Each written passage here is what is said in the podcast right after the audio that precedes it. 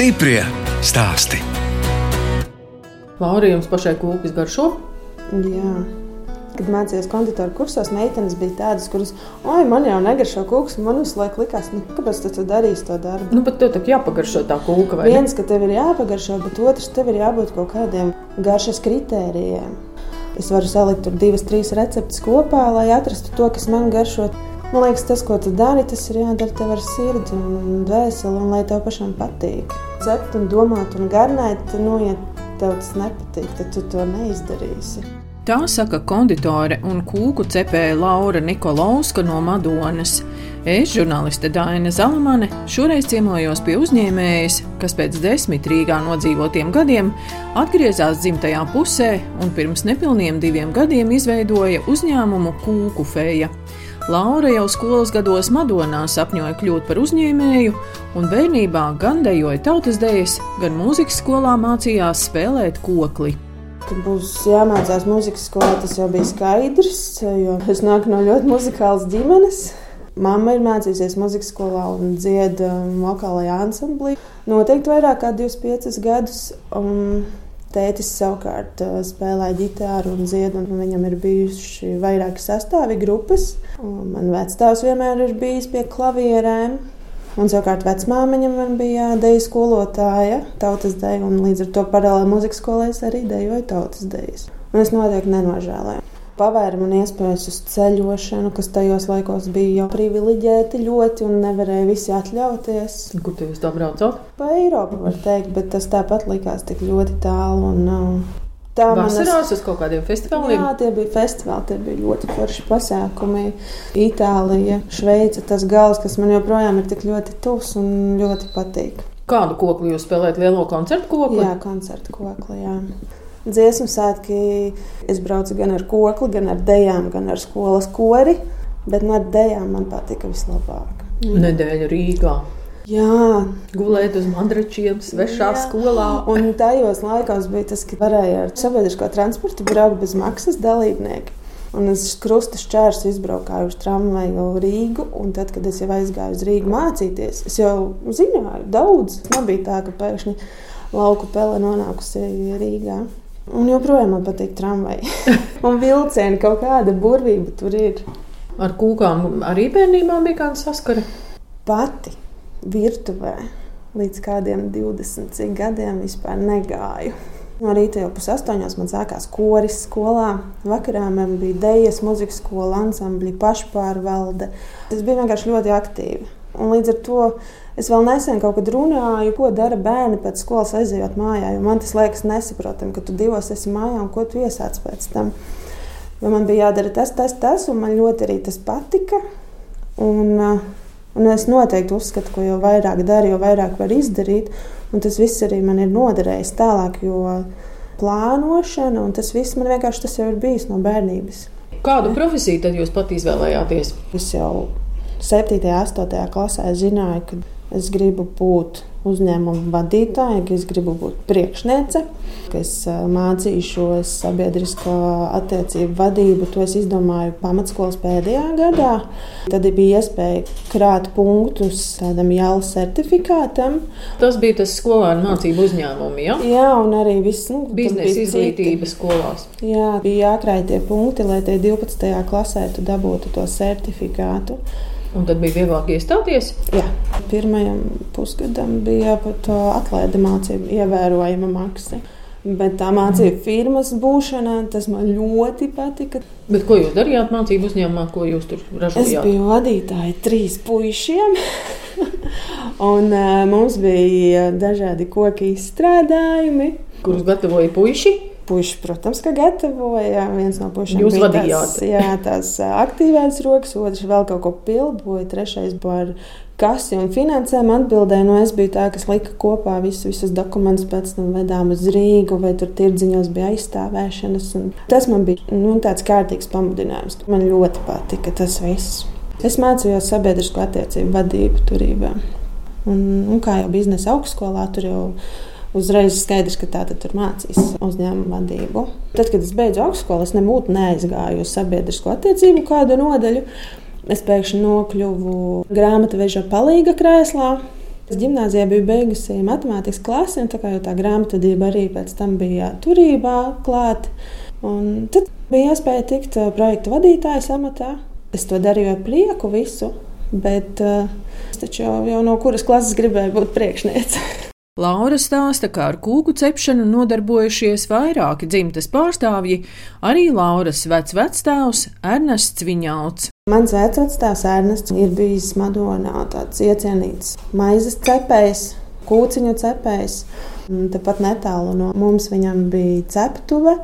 Un ar zirga pajūgu veda pa Madonu un nedaudz tālāk kundēm kūkas. Un, starp citu, mēs atrodamies šobrīd Rīgas ielā jaunajā piebūvē, bet vecās piebūves pagrabiņā tieši Ernests ir cepis ūdens kliņģerīšus un, un, un vēl kaut ko.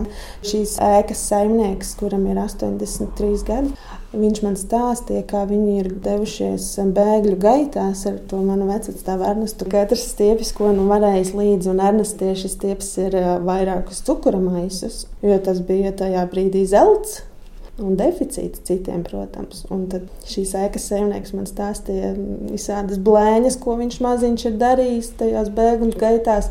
Ka ar bērniem urbinājuši caurumiņu tajā cukura maisā, tur, un tad, kad jāiet tālāk, tad Ernestam nav ko vairs nest līdzi. Tas tā ļoti interesanti, ka tas pie manis atnāca tieši šeit, kad es uzsāku tos kūkfejas gaitas. Un, un, man liekas, tik jauki un tas silda sirdi, ka tev nāk atpakaļ kaut kādas tavas saknes. Tā tas man bija kaut kur gēnos. Manā omīte bija deju skolotāja. Īsti ar tām kūkām arī nebija, bet eh, tieši vecāks bija kūka cepējs. Klasiskā ar vārīto krēmu un ievārījumu un uh, biskvītiem. Un, uh, Mani vecāks uz Rīgu, uz augstskolu pavadīja ar lielu mājas kūku. Es aizvedu pie sava topošā vīra ģimenes, un tur visiem bija ļoti cieņā. Es taču nevaru likt vecām visu laiku cept man kūkas. Un tā es vienreiz, otru reizi, piekto reizi tās kūkas aizgāja. Un tad, un tad jūs arī cepāt kā tētiņš ar biskvītiem? Sāku es ar tām, jā, un tad jau man gribējās kaut ko citu. Tad vēl ieslēdzās tas mans šokomīlis, ka man vajag visur kaut kur pielikt šokolādi. Un tā arī radās tā kūka, mm, kas bija Latvijas simtgadē par godu Signas Meirānas grāmatā, simts kūks un viena svecīte, ka tur ir klasiskā mājas kūka no mana vecvectēva vēl receptes, bet uh, nemanot tur pa vidu ir nokļuvis arī braunīs, un uzreiz tā koka garšo pavisam savādāk, mūsdienīgāk. Un tā jau esmu es. To jūsu recepti kā iekļaut tajā grāmatā? Tur bija diezgan liels konkurss. Bija ļoti priecīga, ka mani uzaicināja. Es domāju, arī tas stāsts noteikti nospēlēja savu lomu par vecvectēvu un par to simtgadi. Tā bija ļoti priecīga un lepna.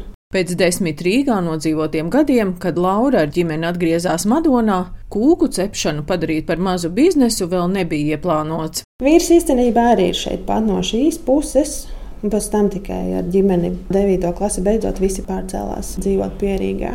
Pedagoģu ģimene un tur darbiņi mainījās. Un līdz ar to nav jau tā, ka viņš ir svešinieks šeit. Un, uh, vīrs joprojām turpina strādāt Rīgā. Viņš strādā valsts policijā, viņam ir maiņu darbs, un viņš braukā.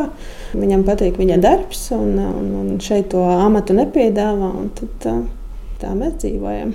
Atnākot uz Madonu, tā neviļus Satiku vienreiz, otru reizi, piekto reizi uz ielas savu ekonomikas skolotāju no gimnāzijas, kurā tagad ir biznesa inkubatora vadītāja. Iveta Vābula un viņa nu, Laura jānāk, nu, Laura jānāk, nu, Laura, tu taču nāksi. Un pēkšņi es jau esmu pirms inkubācijas programmā, un viss notiek, un mācos, un man tas tik ļoti patīk, un visa tā biznesa inkubatora tāda dalībnieku kopiena. Šajā posmā es biju sākusi, kā jau esot dekrētā, vēl vairāk ceptās kūkas, un tad šeit ir vairāk draugi, vairāk radi šajā pusē. Tāds kā jau mazpilsētā izplatījās, līdz kļuvu par eh, mājražotāju. Kas ir tas, ko jūs biznesa inkubatorā iemācījāties? Pirmkārt, es vienmēr uzsveru, ka es tur ieguvu sadarbības partnerus, ka tur bija tā vērtīgā kopiena. Arī šeit, atverot pēc tam kūkotāju, īpaši mēbeles gatavoja man no, biznesa inkubatora uzņēmums, un dizainu veidoja arī no turienes. Kaut kādas iesaņojuma lietas man palīdzēja. Tā sanāk, ka tu vienam pazini otram, trešajam ir kāda vērtīga pieredze, kas man var noderēt.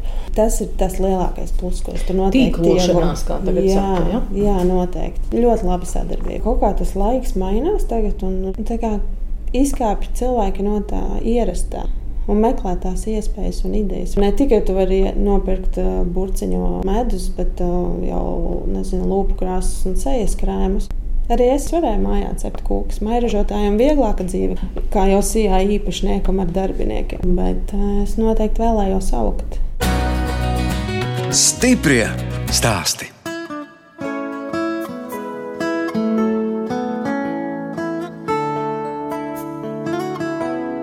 Jūs klausāties raidījumu stipri stāstī. Šoreiz viesojos Madonā pie uzņēmuma Kūkufeja īpašnieces Lauras Nikolauskas.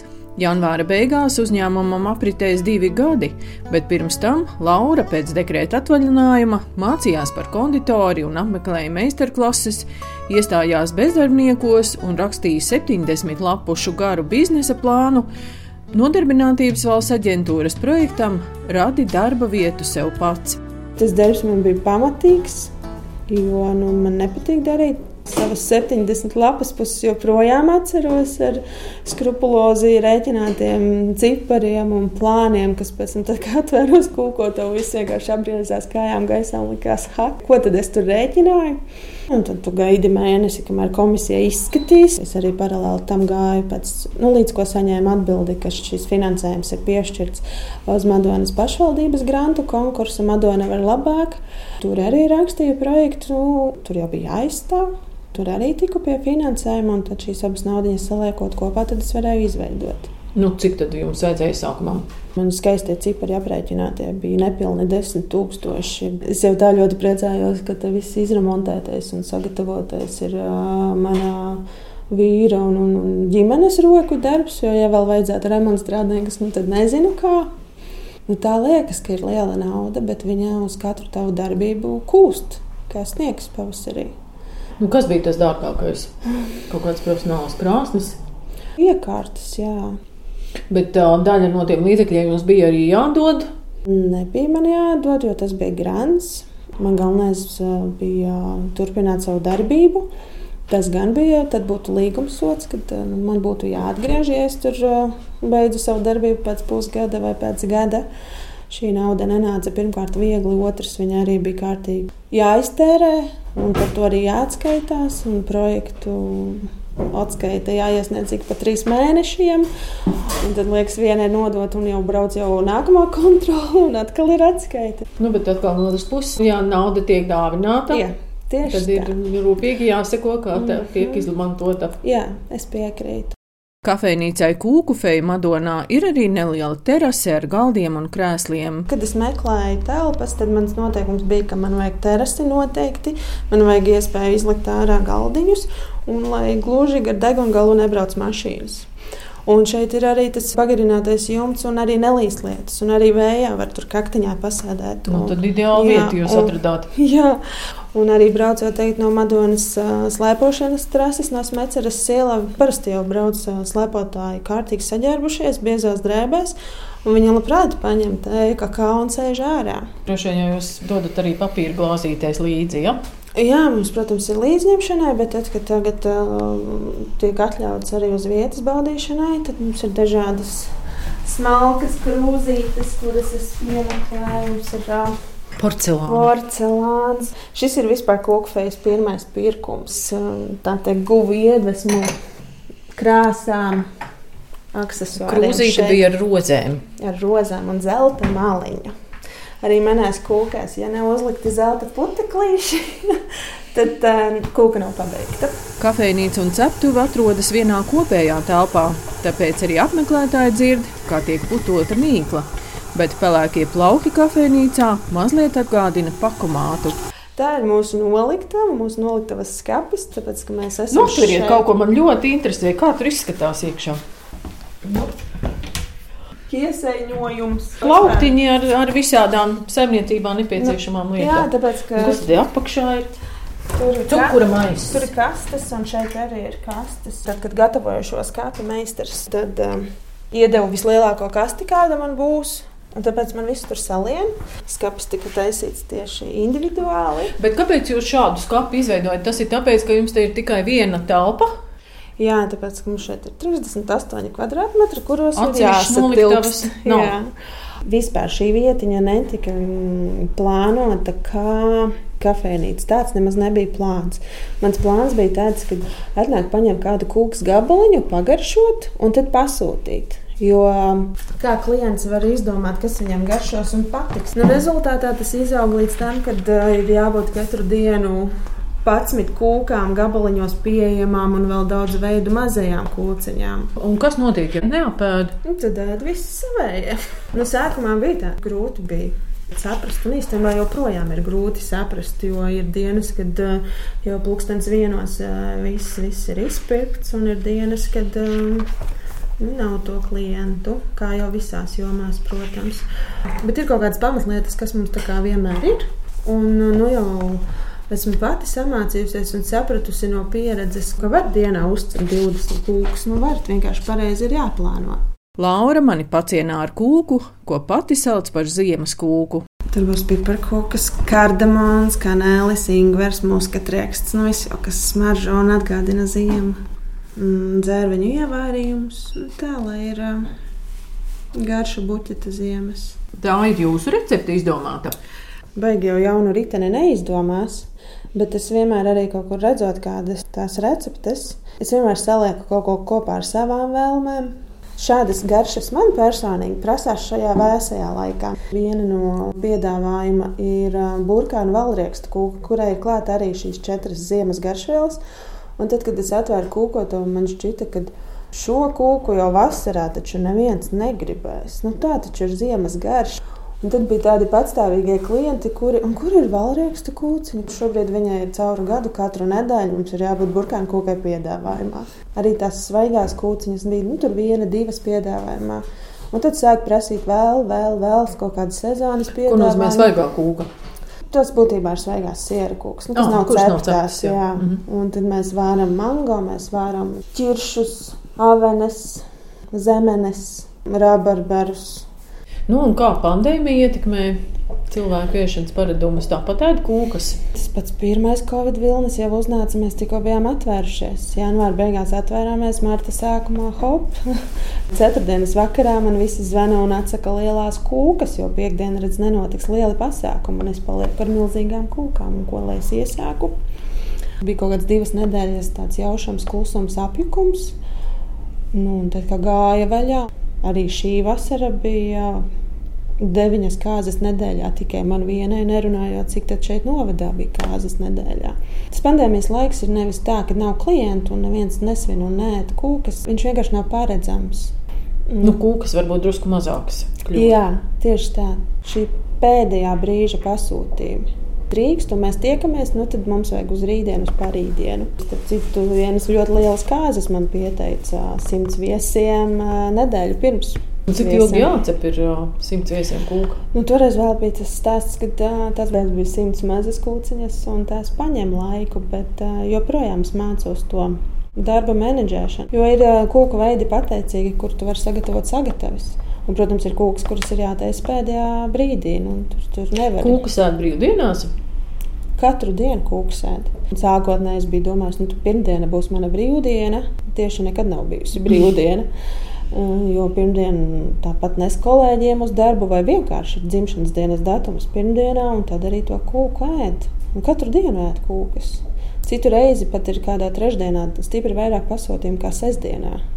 Tas nekad nav paredzams. Nu, kūkām redz, ir tas, tas nav kā bulciņas. No rīta nākam četros, jaucam mīklu un cepam līdz deviņiem. Te ir iepriekšējā dienā sagatavotas sacepšanas, salikšanas naktī, un tad no rīta agri jābrauc un jādekorē. Citreiz ir tā, ka līdz diviem naktī cep un gatavo, un piecos jau brauc jau tūlīt atpakaļ. Varbūt tāpēc arī mums tas darba laiks nav tās piecas vai sešas dienas nedēļā tieši atvērta kūkotava ar pilnu vitrīnu, jo vienkārši vajag laiku pasūtījumiem. Uzreiz jūs arī pieņēmāt darbinieci. Nu, jā, jo, jo bija skaidrs, ka ir jābūt kādam, kas apkalpo klientus. Bet nav tā, ka es sēžu tur stūrītī un man tikai darbinieks apkalpo. Es vienmēr nāku parunājos, un ļoti daudzi klienti ir kļuvuši pa šo laiku mani draugi. Man ir ļoti patstāvīgie klienti, kas brauc no blakus novadiem, no Gulbenes, no, no Jēkabpils, no Varakļāniem. Un, un bieži vien, tad, kad tiešām es eh, reizi pusgadā šeit eh, kādu pusdieniņu nesmu, tad uh, vienmēr kāds ienāk un Lauras nav. Paralēli no pārdevējas darbiniece apmācīta kūku palīga darbos un ir lietas, kuras pati jau patstāvīgi dara. Un, Un pati tagad, tikko mm, novembrī, biju trīs dienu garā meistarklasē Rīgā. Un biju tik priecīga, ka var mierīgi uzticēt kādam citam, te visu darboties un darīt. Nu, un kā ir būt priekšniecei? Joprojām patīk? Noteikti man joprojām patīk. Es eh, varbūt visu to savu cerību mūžu par būšanu priekšniecēji nedomāju, ka tas būs tik ļoti atbildīgi un daudz. Jāmācās ir deleģēt, un to es ļoti cītīgi mācos. Stiprie stāsti.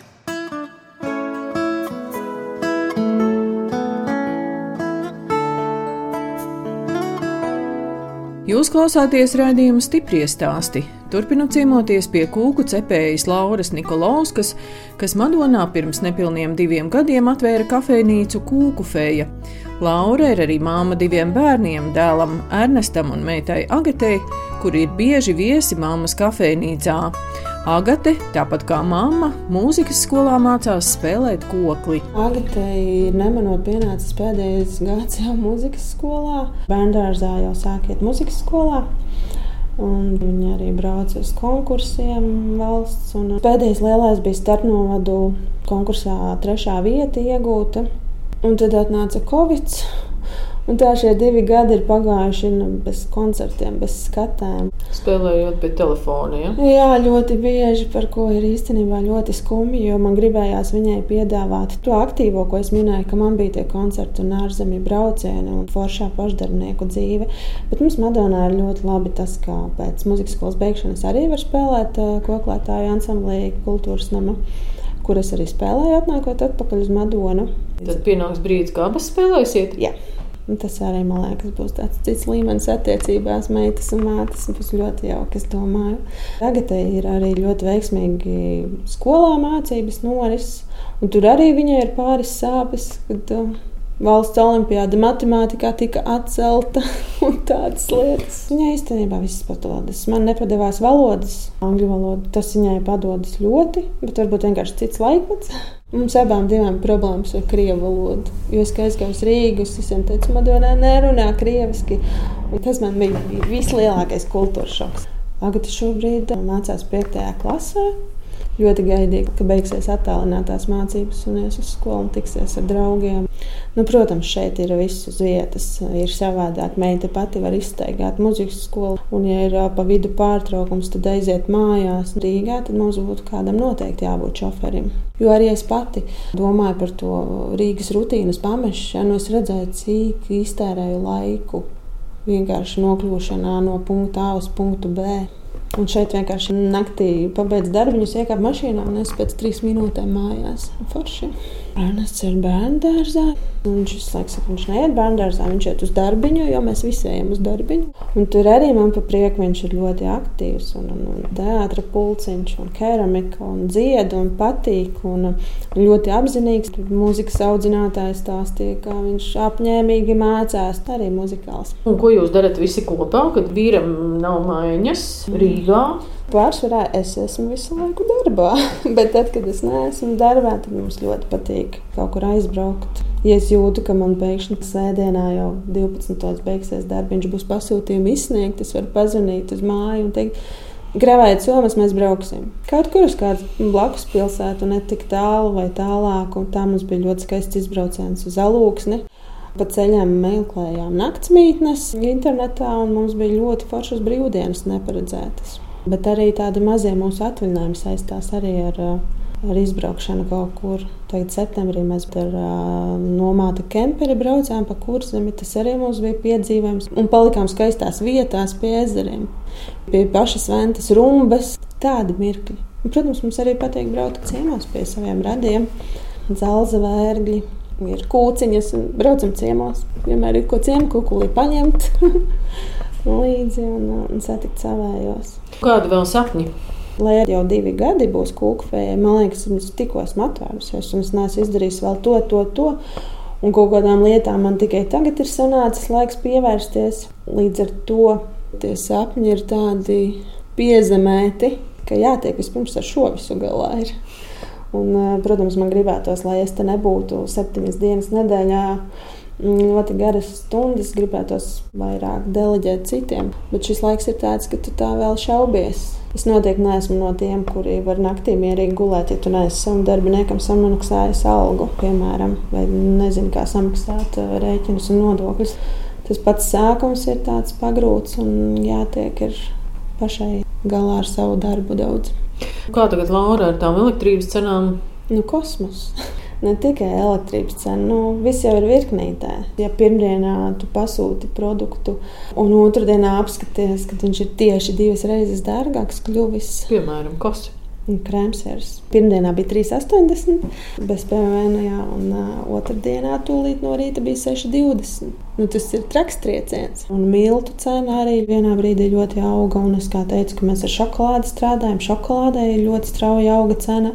Un tie vairs nav tur 10 centi uz kilogramu galīgi. Nē. Un tad sanāk, ka es tās savas produkcijas cenas tik ātri nemaz nevaru pacelt.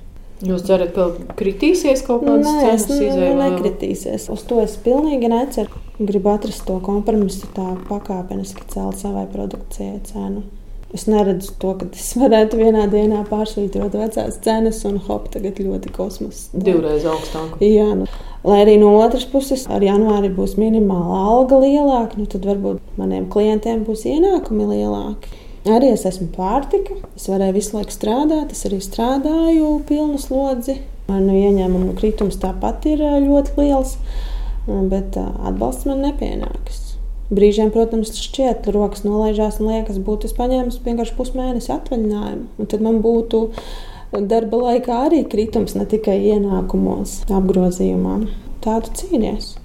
Nu, es esmu ieguldījusi savus divus ar pus gadus dien dienā. Mana ģimene arī līdz ar to ir ieguldījusi. Vienkārši aiztaisīja durvis ciet, un tagad es iešu sēdēt kādā birojā vai veikalā. Nu, laikam, nē. un priecājos, ka mums ir ļoti daudz klienti. Mums ir ļoti daudz turisti. Vai izbraucot no Rīgas, jau zvana, kas jums šodien piedāvājumā, rezervējiet man to, to būšu pēc divām pusstundām. Tas atkal varbūt dod Jā, nu, tas spārno vai nedrusciņ tas cilvēku. Protams, jo tiešām mani pašu ļoti pārsteidza, ka tieši pirmajā mūsu darbības vasarā mums bija ļoti daudz turistu. Es tam pat nebiju tā kā gatava.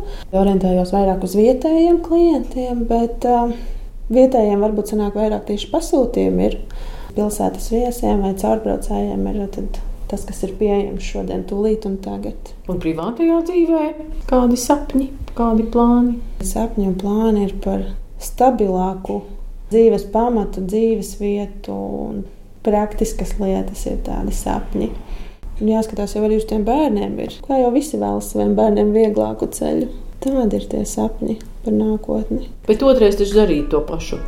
Jā, es darītu to pašu, noteikti kaut kas būtu savādāk. Pa labi vai pa kreisi, bet tāpat kaut kas tāds būtu.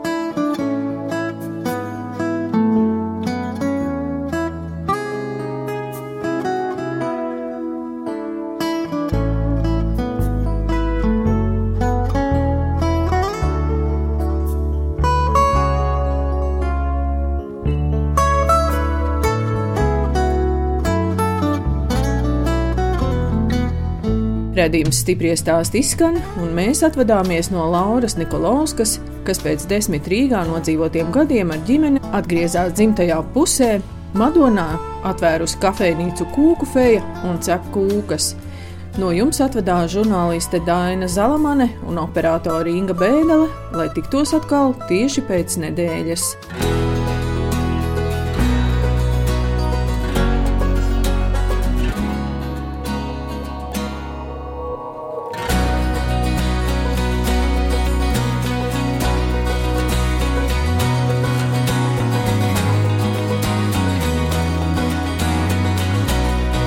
Stiprie stāsti.